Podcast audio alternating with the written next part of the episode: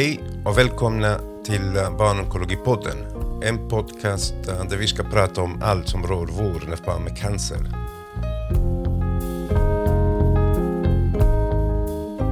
Alldeles strax kommer ni att höra Maria Olsson eh, som eh, jag träffade i mitten av maj 2022 på Cybermötet. Då har vi en samtal om eh, uppföljningsmottagningar för vuxna efter barncancer.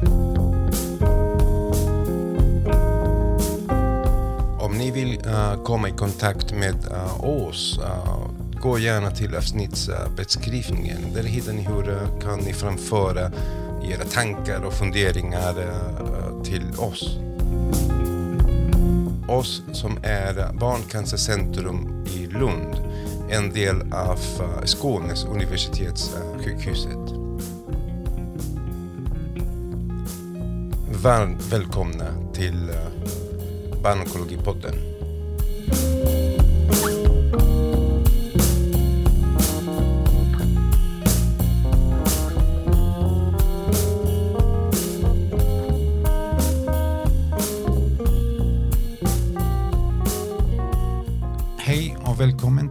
Barnonkologi podden. Barnonkologipodden. Uh, idag kommer vi att prata med uh, Maria Olsson som kommer att uh, prata om vuxenmottagningen. Men först, Maria, kan du presentera dig själv? Vem är du? Jag kommer från Göteborg, har arbetat inom barnonkologin sedan tidigt 90-tal.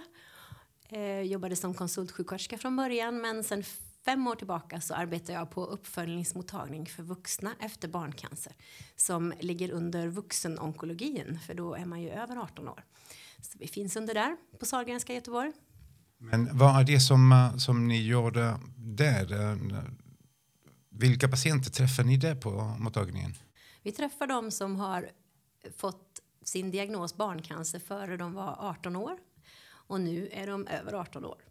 Ehm, och vi får remisser ifrån olika barncancercentra i Sverige, eller ja, från barncancercentrat där barnen har varit behandlade till oss på mottagningen. Och sen så skickar vi brev med information om oss och erbjuder besök.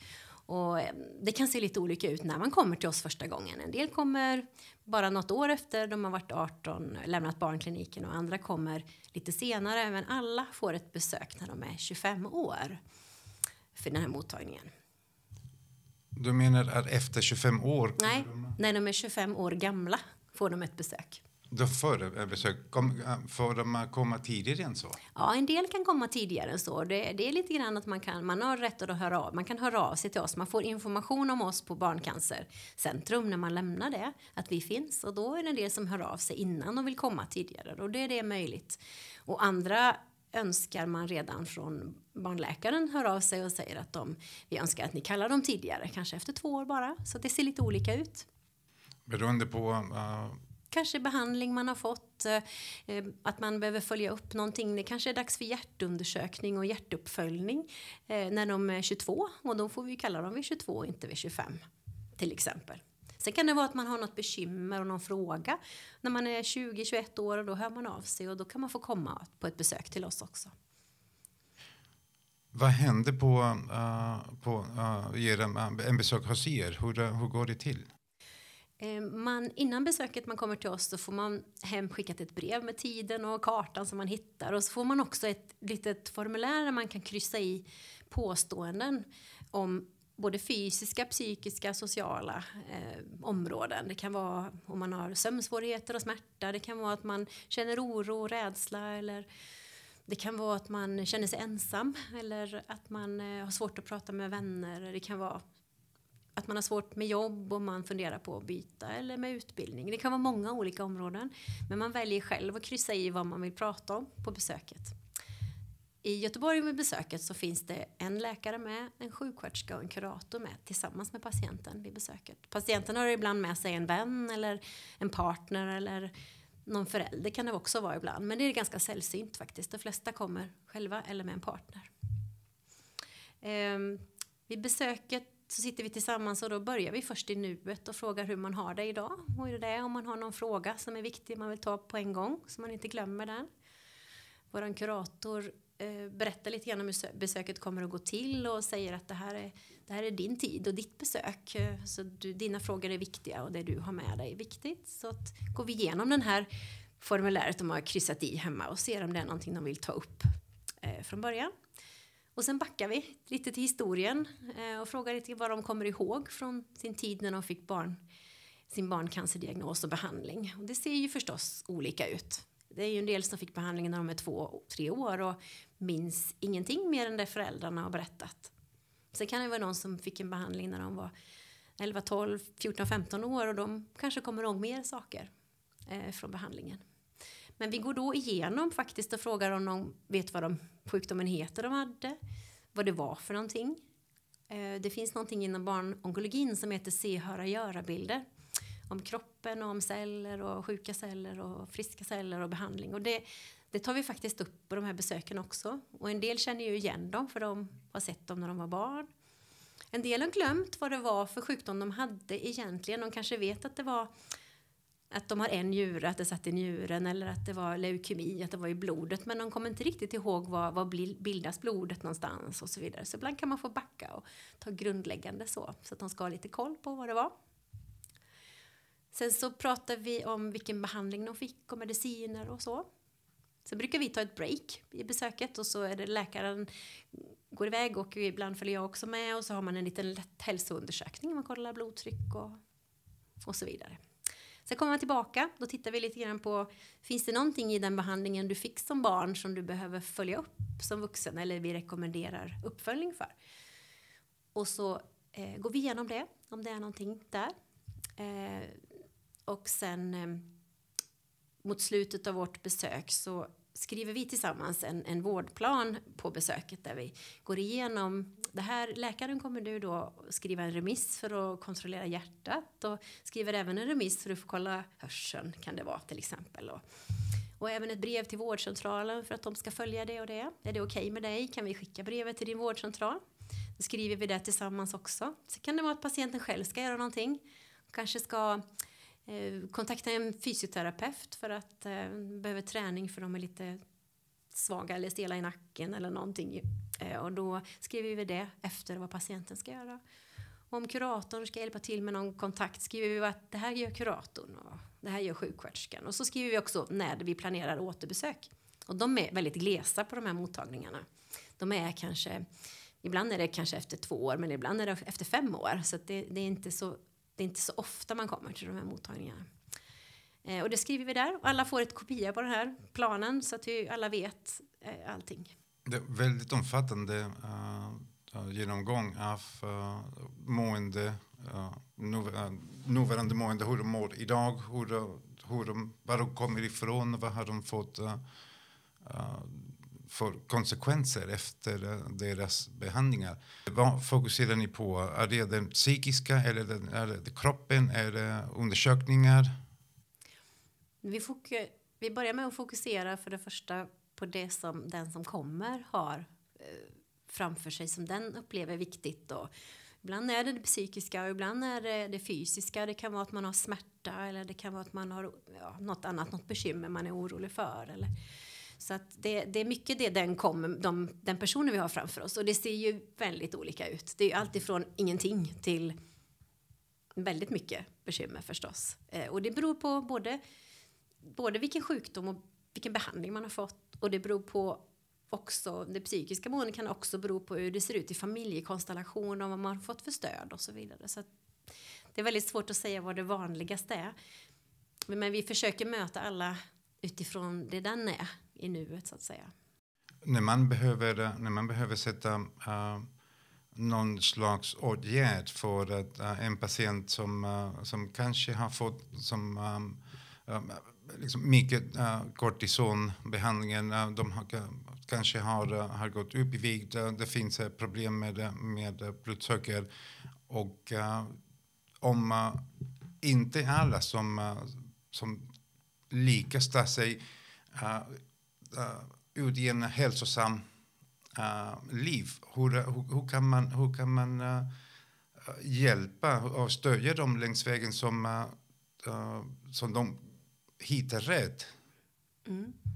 Jättebra fråga eh, och det är väl kanske inte ett svar på det för jag tror det ser olika ut där också, mycket man behöver men vi, vi har inte så mycket resurser för att kunna behandla på den här mottagningen utan vi måste ta hjälp av det som finns i samhället och som finns på andra mottagningar. Och beroende problemet på problemet så hjälper vi till att bana väg så att vi kanske kontaktar deras vårdcentral för att tala om behovet och be dem följa upp. Ibland kan det vara så att vi ringer och inte bara skriver ett brev till dem utan vi ringer och kontaktar dem för att hitta en rätt väg in för patienten att nu vill en ha hjälp med viktnedgång eller rökavvänjning eller psykologiska samtal eh, eller så. Och då försöker vi hjälpa till med det.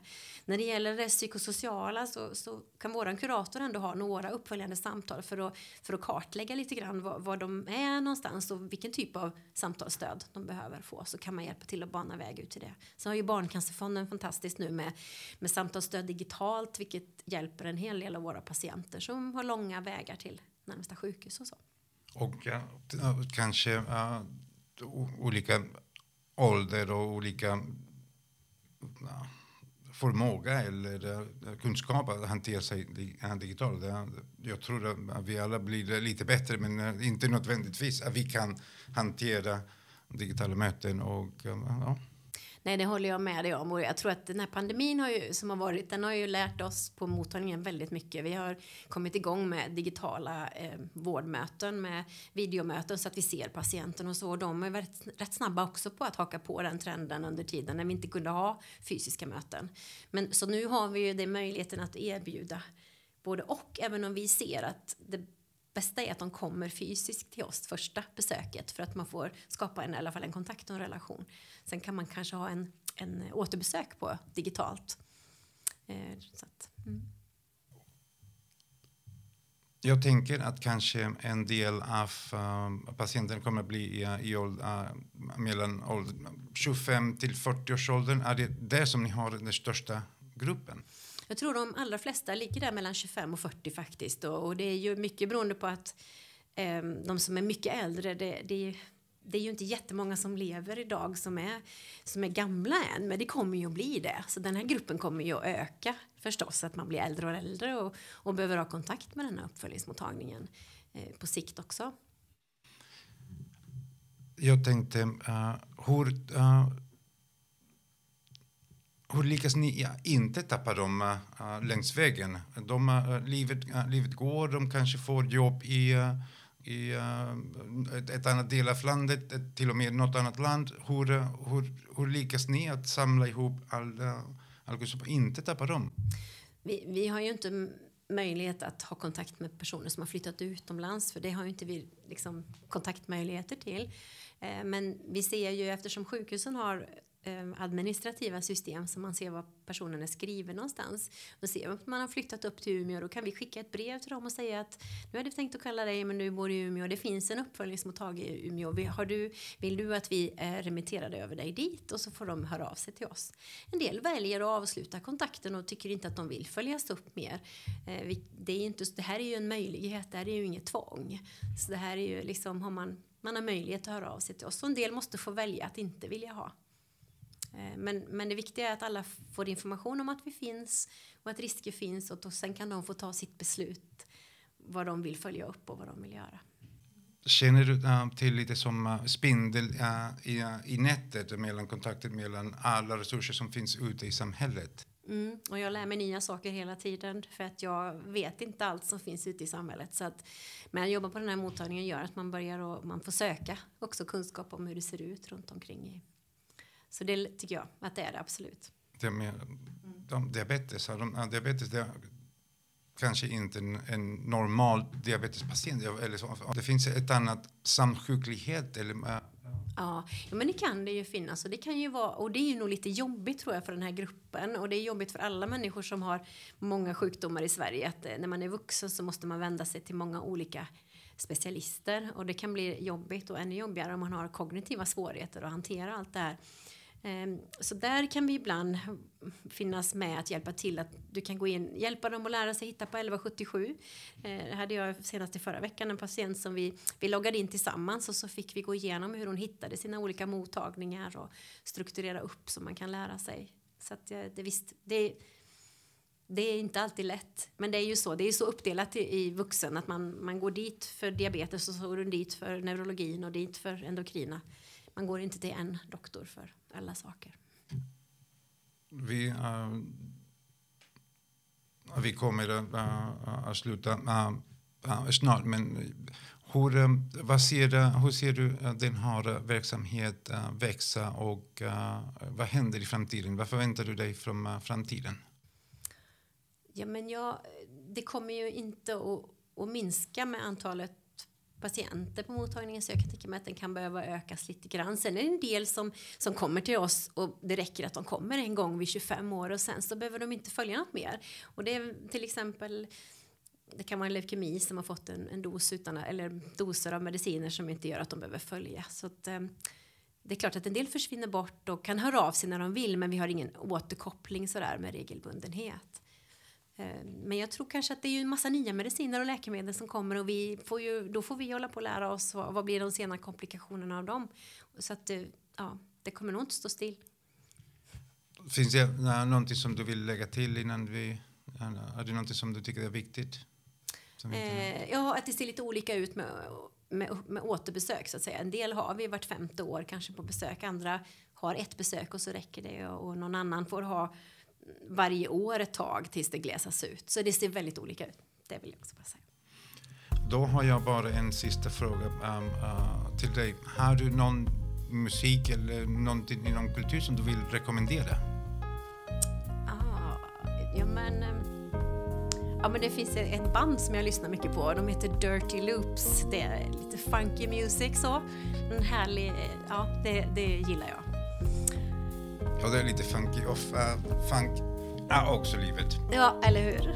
Men uh, uh, tusen tack för att uh, du tog tid för att vara med, med mig idag. Tack så mycket. Tack, tack.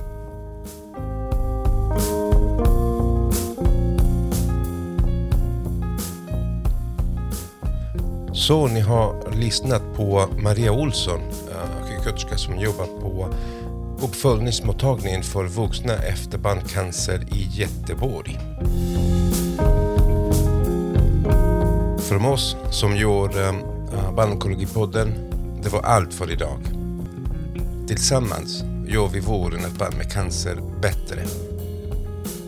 Tack för idag och vi hörs.